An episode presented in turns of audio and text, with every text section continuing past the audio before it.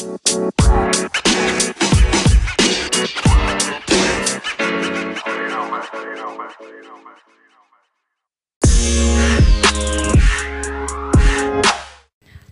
tadi sudah disampaikan banyak. Sebetulnya uh, saya banyak dibantu tadi oleh Dokter Anita. Terima kasih. Jadi banyak uh, manifestasi klinis juga tadi sudah disampaikan. Jadi nanti kita uh, mempersingkat langsung ke kasusnya saja. Kalau highlights ini adalah Global Situation Report yang bisa diupdate di situs WHO setiap hari dan ini angkanya karena ini new emerging disease tiap hari angkanya tuh update. Karena hari ini saya tampil, saya berusaha cari yang terbaru adanya kemarin datanya 6 Februari. Uh, puji Tuhan sampai dengan tanggal 6 Februari kemarin dalam 24 jam terakhir itu tidak ada uh, negara baru yang melaporkan kasus baru infeksi dari uh, uh, 2019 nCoV ini.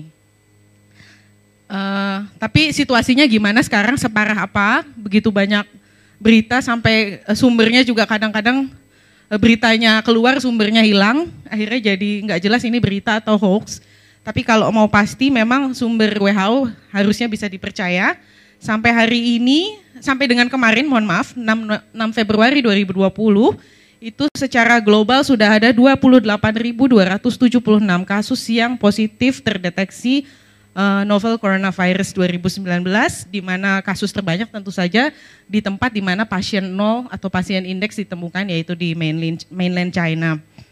Indonesia sampai sejauh ini kita lihat kalau peta ya memang ini selalu jadi pertanyaan kalau ada uh, istra, uh, pembahasan atau diskusi mengenai 2019 dan COVID ini di mana-mana.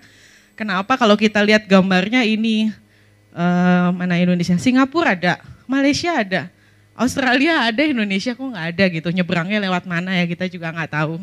Tapi Tuhan maha baik sama bangsa Indonesia. Tapi nanti ada beberapa kemungkinan penjelasan yang mungkin saya tidak tahu nanti asumsi atau apa nanti kita bahas. Tadi sudah saya tidak akan berlama-lama dengan mikrobiologi karena tadi dokter Anita sudah memaparkan dengan sangat spesifik. Cuman memang uh, yang ingin saya, uh, kita apa namanya highlight di sini adalah kenapa penyakit ini begitu menjadi sesuatu yang menakutkan global karena tadi sudah disebutkan ini kok eh, digadang-gadang mirip dengan uh, wabah yang dulu menelan begitu banyak korban, uh, utamanya korban jiwa yaitu SARS dan MERS-CoV. Jadi ternyata memang kalau dilihat ini ada artikel dari Lancet. Lancet ini untuk teman-teman adik-adik mahasiswa kedokteran uh, karena ini suatu wabah baru uh, belum banyak literatur. Jadi kalau mau cari literatur di The Lancet itu open access semuanya. Jadi kalian bisa unduh tanpa uh, apa membayar. Dan jadi kalau penjelasan saya kurang nanti siapa tahu saya salah juga silakan dikoreksi bisa dilihat di situ. Nah, ini ada yang meneliti tentang genomik. Jadi di Indonesia ini kadang-kadang kita ributin hal-hal yang menurut saya receh, tapi kalau orang luar itu begitu ada hal begini mereka ribut gimana caranya? Mereka bikin penelitian yang berkualitas. Jadi dalam kurang da dari satu bulan sudah keluar jurnal-jurnal level Q1, salah satu yang meneliti, ada ada juga yang menuliskan uh, tentang genom. Ini memang masih tentang suatu literatur review belum penelitian.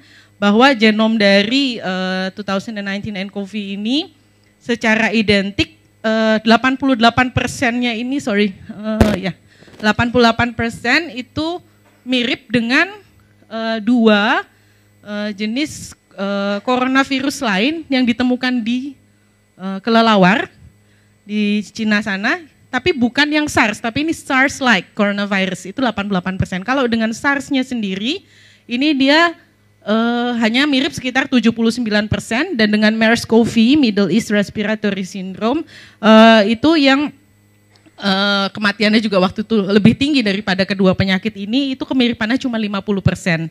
Jadi sebenarnya kita itu nggak terlalu perlu parno-parno amat karena uh, tidak separah itu.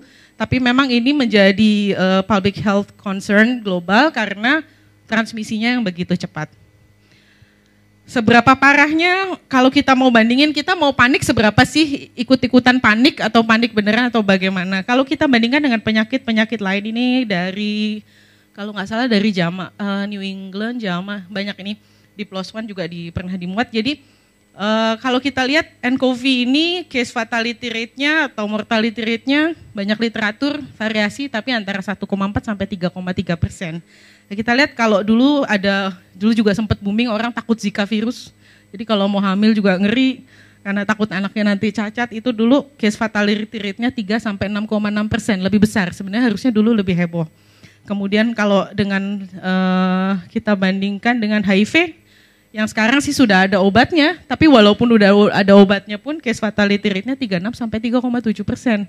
Jadi sebenarnya ya kalau kita nggak separno-parno itu dengan semua penyakit yang lain, ya uh, mungkin ini bisa menjadikan bahan pertimbangan. Dan kalau kita bandingkan, kemarin kan ditakutkan karena banyak orang meninggalnya gagal napas. Jadi orang takut, ya apakah ini suatu new emerging disease yang uh, kapasitas membunuhnya itu setara dengan SARS-CoV atau MERS-CoV. Nah, kita lihat kalau case fatality rate tingkat mortalitas dari SARS-CoV itu yang dilaporkan sekitar 10 persen, ini juga dari The Lancet. Kemudian MERS-CoV itu sekitar 35 persen, bandingkan dengan uh, eh, 2019 novel coronavirus itu sekitar 1,4 sampai 3,3 persen. Jadi uh, kira-kira seperti itu. Dan saya berusaha karena saya klinisi, eh, kita kan semua pasti pertanyaannya terus apa bedanya flu yang disebabkan oleh 2000 nCoV ini dengan flu-flu yang lain. Dan memang karena emerging disease, literaturnya juga diupdate terus. Awal pertama mereka terbitkan ini satu studi di Lancet, eh, pasiennya jumlahnya ada sekitar 49 orang. Eh, terus mereka bikin baru ini studi deskriptif, jadi untuk adik-adik yang lagi berjuang untuk skripsi, jangan ini ya kadang-kadang kok saya cuma dikasih judul studi deskriptif. Studi deskriptif kalau timingnya tepat, kasusnya bagus bisa masuk jurnal Q1 juga. Jadi e, mereka membuat, e, sorry yang tadi boleh lihat, e, pemetaan aja berapa yang masuk dari e, dari seluruh pasien yang masuk 49 yang diteliti itu berapa yang masuk ke rumah sakit di, disusun berdasarkan usianya. E, next Eh, kemudian juga dilihat bagaimana ditanyain satu-satu pasiennya bagaimana apakah mereka ada eh, kontak dengan pasar yang diduga tempat eh, pasien indeks tertular yaitu di Wuhan yang apa namanya seafood market itu, Wuhanan seafood market dan ternyata memang hampir semua itu pernah sebagian besar hampir 50% pernah ke sana. Jadi waktu itu diduga oleh pemerintah Cina ini sumbernya dari pasar tersebut. Kemudian kalau kita lihat dari uh, usia, uh, ini yang menarik memang kemarin, nah ini supaya tidak menjadi hoax, semua usia kalau kita lihat bisa terkena. Tapi memang uh, banyak menyerang usia sekitar 40-50 tahun ke atas yang paling banyak kena mayoritas. Tapi bukan berarti terus kalau muda nggak kena gitu, jangan dibalik supaya nanti tidak jadi hoax. Kemudian laki-laki dan perempuan nanti kita akan e, tunjukkan dua studi yang udah ada, dua-duanya menunjukkan bahwa laki-laki lebih rentan terkena virus ini. Jadi nanti kita bahas juga kira-kira kenapa. Kemudian e, gejalanya tadi apa yang membedakan virus ini dengan yang lain? Seperti tadi sudah sempat disinggung oleh dokter Anita, yang pertama yang paling banyak ditemukan hampir 90% lebih itu adalah demam. Jadi kalau kita flu-flu biasa nggak ada demamnya nggak usah parno-parno dulu gitu.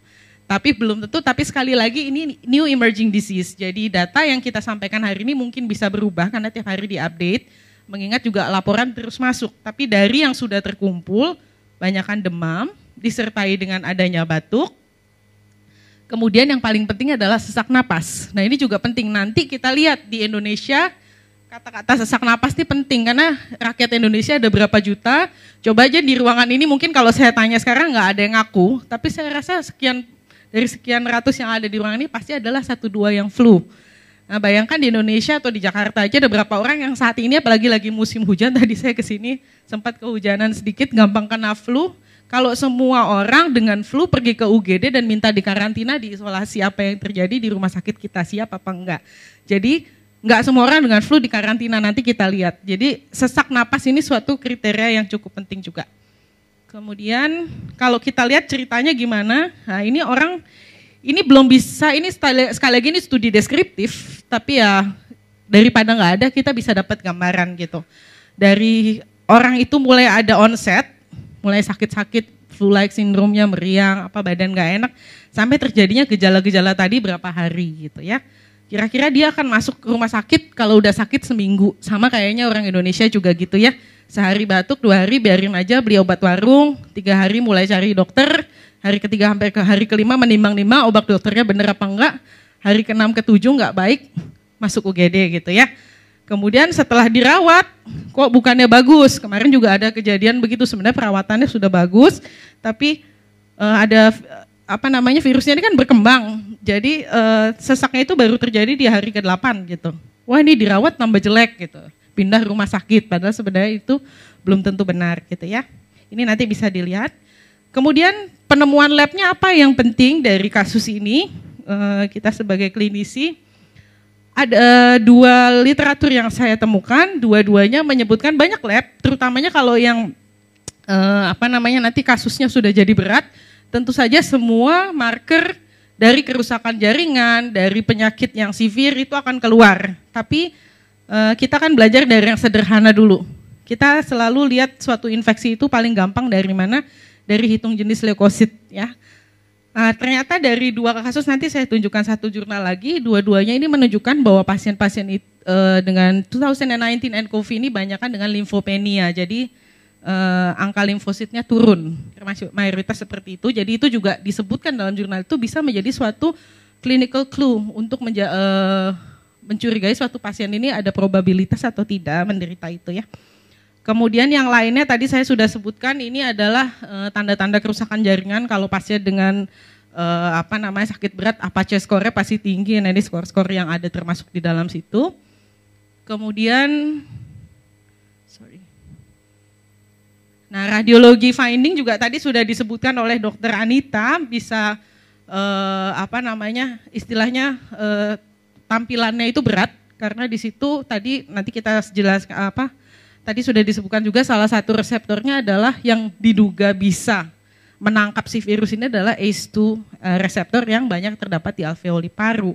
Jadi biasanya gambarannya paru-parunya kalau kita CT atau kita ronsen itu biasanya akan ada infiltrat multiple uh, dan uh, multiple lobular dan biasanya bilateral gitu ya.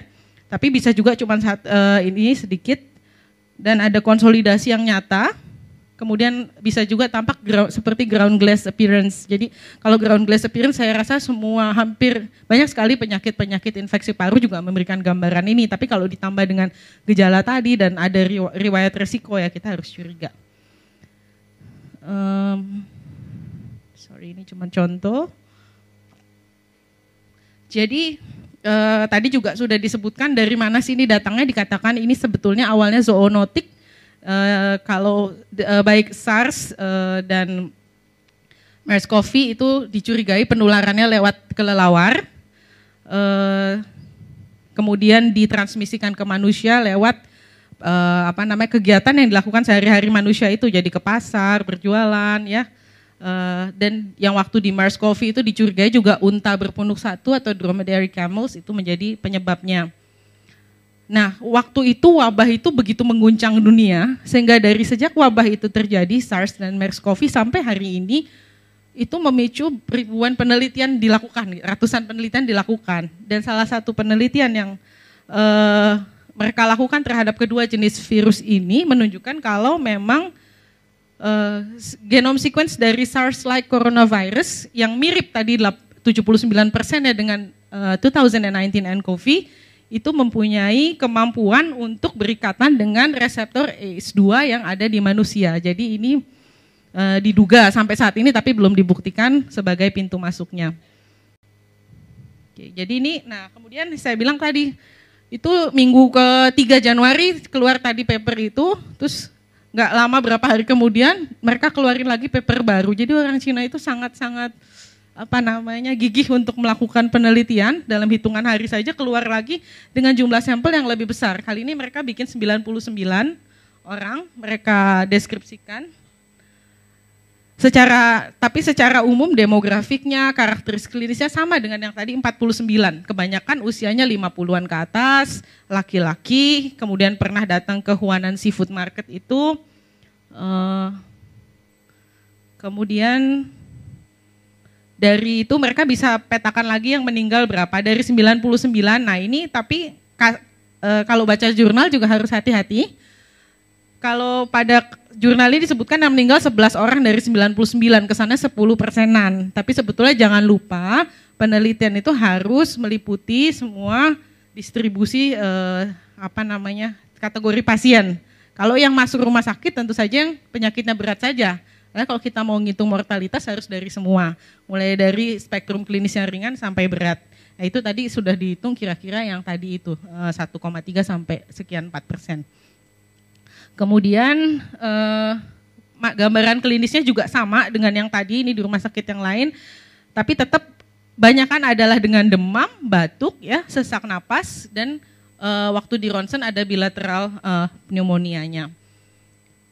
Uh, dari sekian banyak orang dan ini menakutkan karena memang dari pasien-pasien yang berat itu kebanyakan membutuhkan mechanical ventilation bahkan di sana karena sudah maju ada juga yang pakai ECMO jadi extracorporeal membrane oxygenation jadi bikin jantung paru buatan darahnya masukkan situ kembalikan lagi karena sudah nggak bisa lagi parunya sudah betul-betul rusak kalau kita lihat tadi CT scan-nya seperti itu. Um, laboratori result, nah ini juga sama ya tadi saya bilang bahwa ternyata kita lihat kalau leukosit ada yang naik, ada yang turun secara total. Jadi kita nggak bisa bilang leukopenia atau leukositosis atau leukosit normal untuk mencurigai.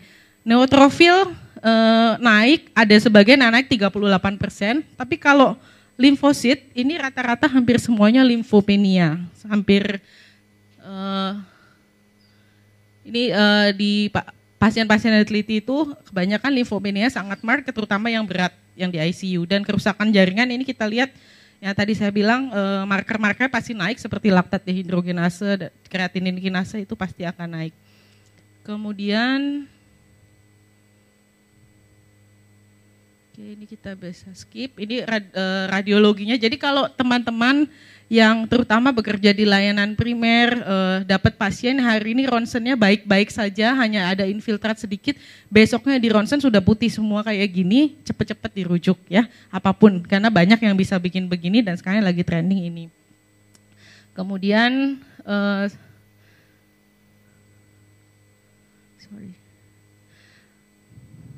Nah, tadi kita sudah menyebutkan bahwa ternyata banyak limfosit yang turun dari uh, jurnal itu mereka ber, uh, di pembahasannya menyebutkan kalau partikel virus ini memang uh, kemungkinan besar itu diduga karena tadi limfositnya banyak yang turun, kemungkinan besar memang uh, beraksinya di limfosit terutama limfosit T seperti sama dengan SARS-CoV. Jadi virus itu akan masuk uh, melalui muska, mukosa respirasi, kemudian menginfeksi uh, sel-sel yang lain, kemudian menginduksi diduga cytokine storm karena di penelitian yang kedua mereka tadi sudah disebutkan juga oleh dokter Anita teliti banyak sekali interleukin yang naik terutama interleukin pro, uh, apa namanya proinflamatori.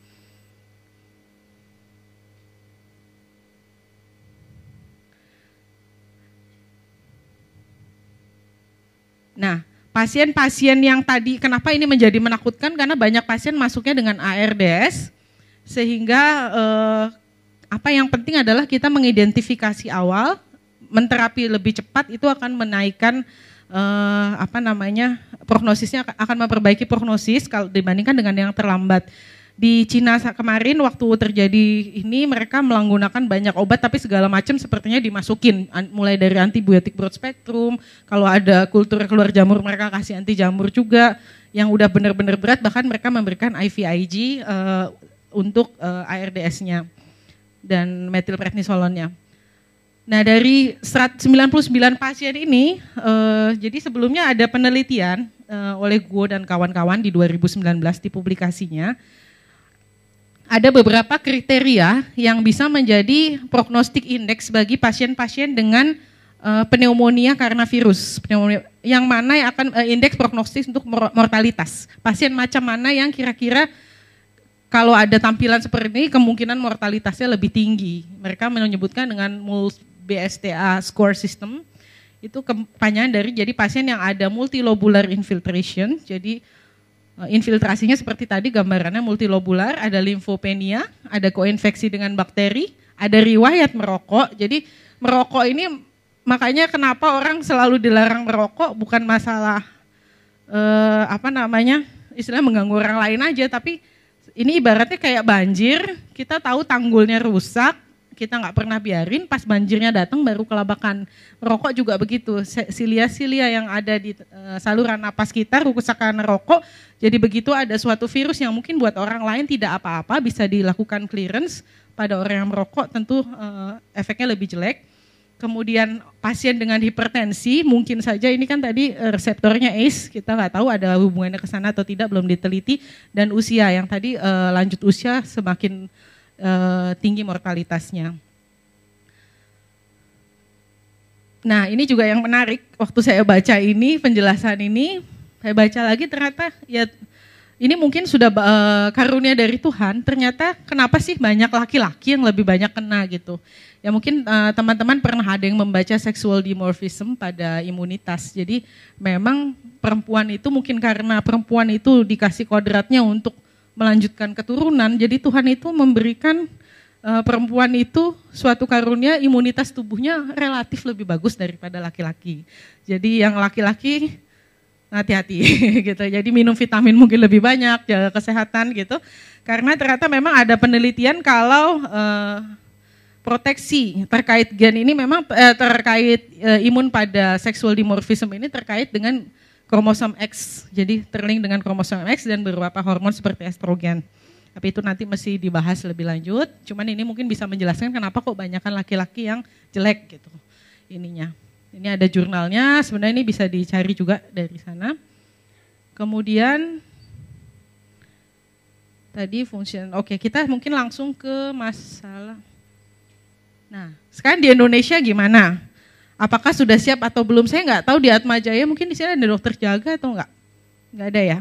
Saya nggak tahu dalam satu bulan ini sudah berapa pasien yang karena hati-hati ya, pasien Atma Jaya cukup banyak ya kalau kita lihat dari uh, demografi pasiennya yang punya potensi bepergian ke Cina, Singapura, Malaysia, Australia ya kita nggak tahu dan ingat tadi masa inkubasinya sudah disampaikan oleh dokter Anita antara 2 sampai 10 hari.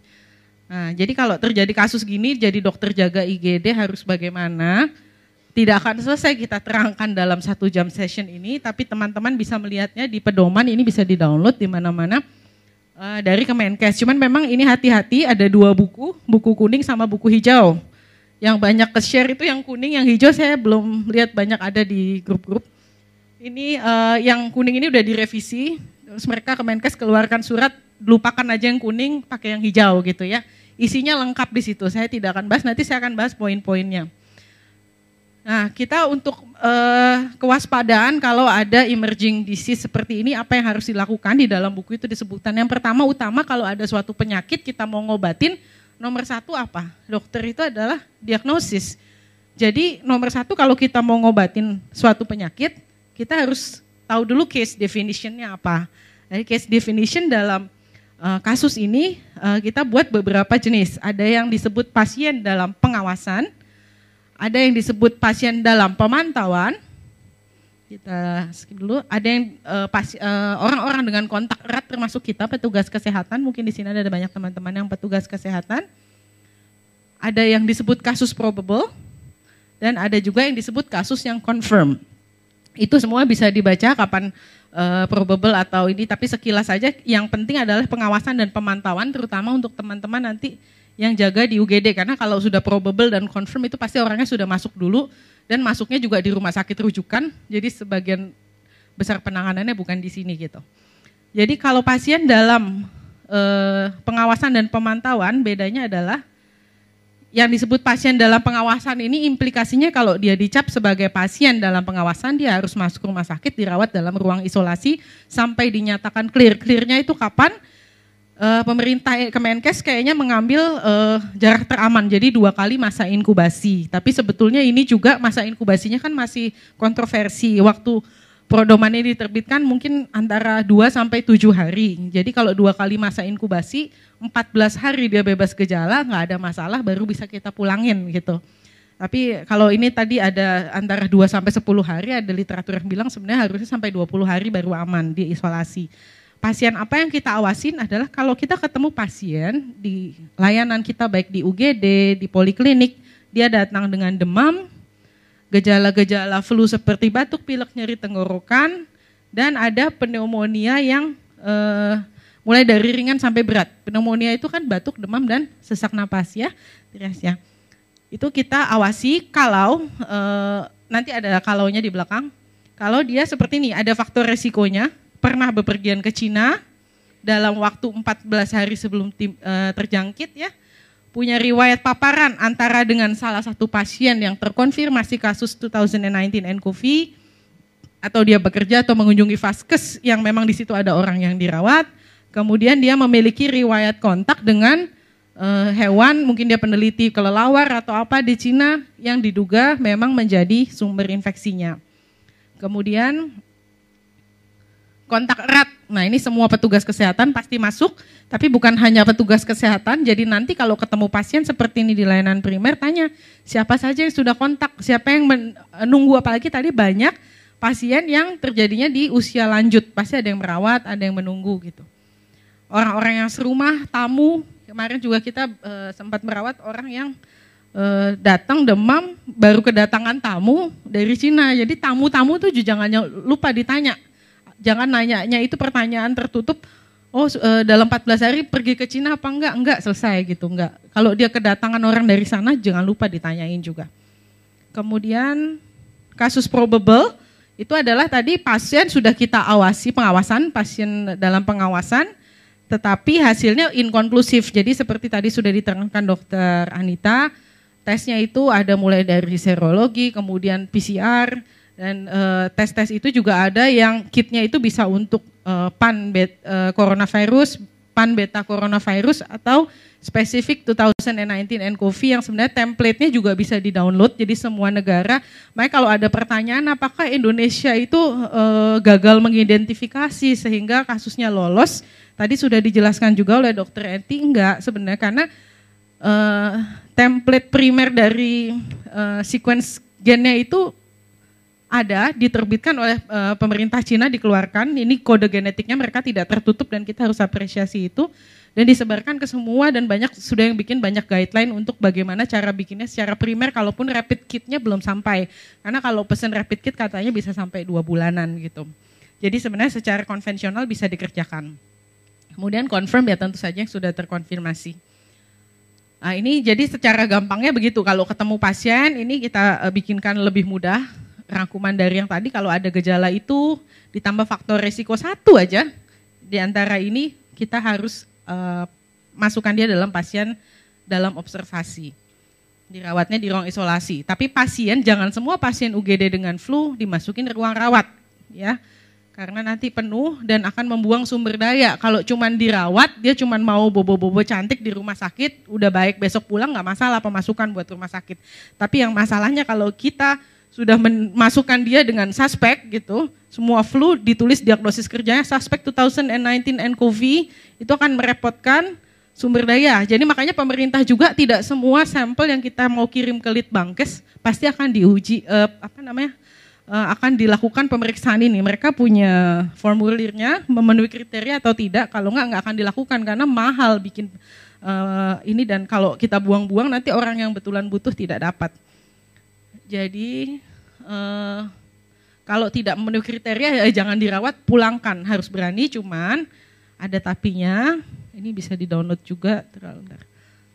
Uh, tapinya adalah harus dipantau. Jadi ini yang uh, di-share oleh Dinkes DKI itu kalau misalnya sampai kita vaskes menemukan nomor satu kita harus lapor ke posko KLB dinas kesehatan ya mengisi formulirnya ada formulir yang harus diisi lakukan pemeriksaan penunjang sederhana dan lain-lain.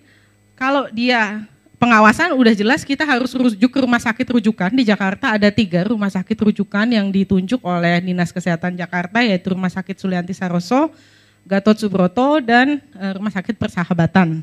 Dan nanti uh, apa namanya penting untuk kita tahu terutama sebenarnya ini untuk teman-teman yang jaga di UGD gitu ya. Jadi kalau ada kasus-kasus begitu harus bagaimana? Ada formulir harus diisi dan um, sorry ya Nah ini kalau kita datang juga nanti akan dari orang dari luar negeri, pemerintah juga sudah membentengi dari depan. Eh, kantor kesehatan Kelauhan sudah melakukan thermal scanner dan memberikan health alert card. Uh, yang ini juga nanti akan di apa istilahnya dipantau lebih lanjut oleh uh, dinkes gitu. Jadi dari KKP kalau memang orang itu ada curiga dalam berapa hari nanti akan dipantau oleh dinkes. Um, Nah ini juga uh, tadi sudah disebutkan oleh dokter Enti bahwa pemeriksaan coronavirus kalau sampai ada rumah sakit yang bikin promo bisa periksa kecuali rumah sakit tiga tadi itu ya kita nggak bisa percaya karena di Indonesia kebijakannya harus tersentral di Puslit Bankes, ada nomor-nomor yang bisa dihubungin. Dan ini yang penting, sorry, mungkin untuk manajemen dari rumah sakit, ini penting harus dibikin SOP-nya dari sekarang, jangan sampai nanti pasiennya datang kita baru bingung. Saya tidak tahu, saya belum cek juga apakah Rumah Sakit Atma Jaya sudah punya APD lengkap yang baju astronot dengan Google dan lain-lain dan punya berapa. Dan yang satu lagi yang pengalaman kemarin ini yang penting disimpan di mana kalau barang ada eh, tersedia cukup. Eh, orang tahu tapi nggak tahu nyimpennya di mana pada saat diperlukan juga tidak tahu. Jadi SOP-nya tuh benar-benar harus ditulis siapa yang pegang. Dan ini yang penting eh, balik-balik sorry. Ya. Pasien yang dirujuk kalau misalnya ada pasien yang tersangka, kita eh, ini masalahnya dari dinas. Kalau kita kerja di rumah sakit rujukan, relatif aman buat rumah sakit rujukannya. Satu sumber daya mereka udah siap dan prosedurnya begini. Kalau ada pasien tersangka, kita harus telepon dulu, baru pasiennya bisa kirim ke sana. Jadi mereka udah siap dulu dan pasiennya sampai di sana pun tidak dirujuk lewat IGD, tetapi langsung menuju ke kamar isolasi, jadi meminimalkan kontak. Nah masalahnya kita yang di layanan bawah-bawah, kita kan nggak pernah tahu pasiennya ini terduga apa enggak sampai kita tanya-tanya kan, sampai kita periksa anamnesis baru kita bisa. Jadi sebenarnya resiko untuk tertular itu akan lebih besar di layanan primer atau sekunder daripada di layanan tersier. Ini harus hati-hati untuk teman-teman yang jaga di garis depan. Prosedur ini jadi tadi uh, mungkin bisa dilihat uh, dan uh, tadi yang saya bilang bahwa di situ pun dokter jaga IGD kalau di, kita di rumah sakit rujukan tidak e, bisa langsung memasukkan pasiennya. Ini harus kontrol apa konsul dulu dengan tim, diputuskan oke okay oleh ketua tim atau siapa pun dokter yang bertugas hari itu, baru seluruh schedule apa skenario e, contingency plan ini bisa dilakukan gitu. Jadi kalau pasiennya diawasi tadi kita masukkan ruang isolasi khusus, tadi e, bajunya juga khusus. Jadi saya rasa untuk rumah sakit penting mulai dari sekarang dilakukan pelatihan gimana caranya pakai APD ini karena kan yang sering terjadi itu APD-nya ada tapi jumlahnya terbatas nggak tahu berapa belum disediakan waktu pasiennya datang baru bingung atau ada tapi nggak tahu simpennya di mana atau ada tahu simpennya tapi waktu makainya caranya salah. Itu juga sama aja bohong, kerjanya sia-sia gitu. Ini ada prosedur pemakaian alat itu bisa dilihat di YouTube banyak sekali, tapi benar-benar kalau bisa dilakukan gladi resik atau simulasi gitu ya. Nah, untuk uh, warga yang uh, bingung atau mau tanya-tanya sebetulnya Dinas Kesehatan juga membuka uh, sambungan telepon hotline 24 jam yang uh, bagi tenaga kesehatan atau yang mau e, melaporkan adanya dugaan ini bisa dilihat ini sudah di-share juga di banyak WA dan ada banyak formulir sebenarnya pemerintah kita ini sudah cukup siap karena formulir ini sudah dibikin sudah diedarkan ke seluruh rumah sakit rujukan dalam beberapa waktu ini. Oke, ini kita skip aja. E, nah, untuk kan sekarang banyak beredar segala macam berita mulai dari gejala klinisnya tadi saya lihat banyak di WA itu kan beredar yang orang jatuh-jatuh di jalan terus kayak ada kota zombie dan lain-lain ya kalau kita tadi udah lihat e, bagaimana manifestasi klinisnya mudah-mudahan terutama teman-teman yang dari kesehatan bisa membantu meluruskan gitu ya tapi untuk vaksin nah ini ada selalu di balik musibah selalu ada yang diuntungkan kalau di wabah ini terutama nomor satu pasti pedagang masker produsen masker ya Nomor dua yang diuntungkan adalah tukang vaksin. Padahal vaksinnya nggak nyambung. Vaksin flu yang ada di Indonesia sekarang kan vaksin apa? Untuk influenza kan? H1N1, H3N2 ya. Ada yang sudah kuadrivalen, ada yang masih trivalen. Ini laku. Uh, saya be, apa namanya di tempat rumah sakit uh, kami bekerja ini tiba-tiba jadi laku keras vaksin-vaksin ini ya syukur-syukur tapi harus dibilang juga jadi jangan mentang-mentang udah vaksin terus merasa aman dari nCoV. Tolong disebarkan bahwa ini virusnya berbeda. Dan pengobatannya itu juga belum ada sampai saat ini. Jadi kalau ada hoax, tapi inilah hebatnya orang luar. Mungkin kita harus bisa banyak belajar di Indonesia. Waktu kita uh, seperti ini yang beredar di WA WA grup kan apa namanya bawang putih menyembuhkan apa di ramu-ramu gitu. Saya sampai pusing sendiri bacanya dan menjawabnya gitu. Tapi kalau orang luar mereka pikir ada ada penyakit ini mereka langsung cari secara ilmiah obatnya apa. Bahkan ini satu literatur saya temukan ada orang udah nggak pakai tikus nggak pakai apa dia pakai artificial intelligence jadi ada software yang bisa uh, istilahnya memprediksi kira-kira obat apa yang mungkin toksisitasnya gimana, efikasinya gimana dilihat dari struktur virusnya cara kerjanya ya. Cuman ini masih diteliti. Jadi kalau ada yang bilang oh pakai obat ini, pakai obat itu uh, kita belum bisa bilang ya. Ini juga yang kebaru kemarin baru uh, disebar dua hari yang lalu kloroquine obat malaria yang mungkin sekarang udah susah juga nyarinya. Itu uh, secara in vitro udah ada yang neliti juga ini kemarin cepet mereka biarkan di sel itu oh, bisa menghambat tapi sekali lagi masih in vitro.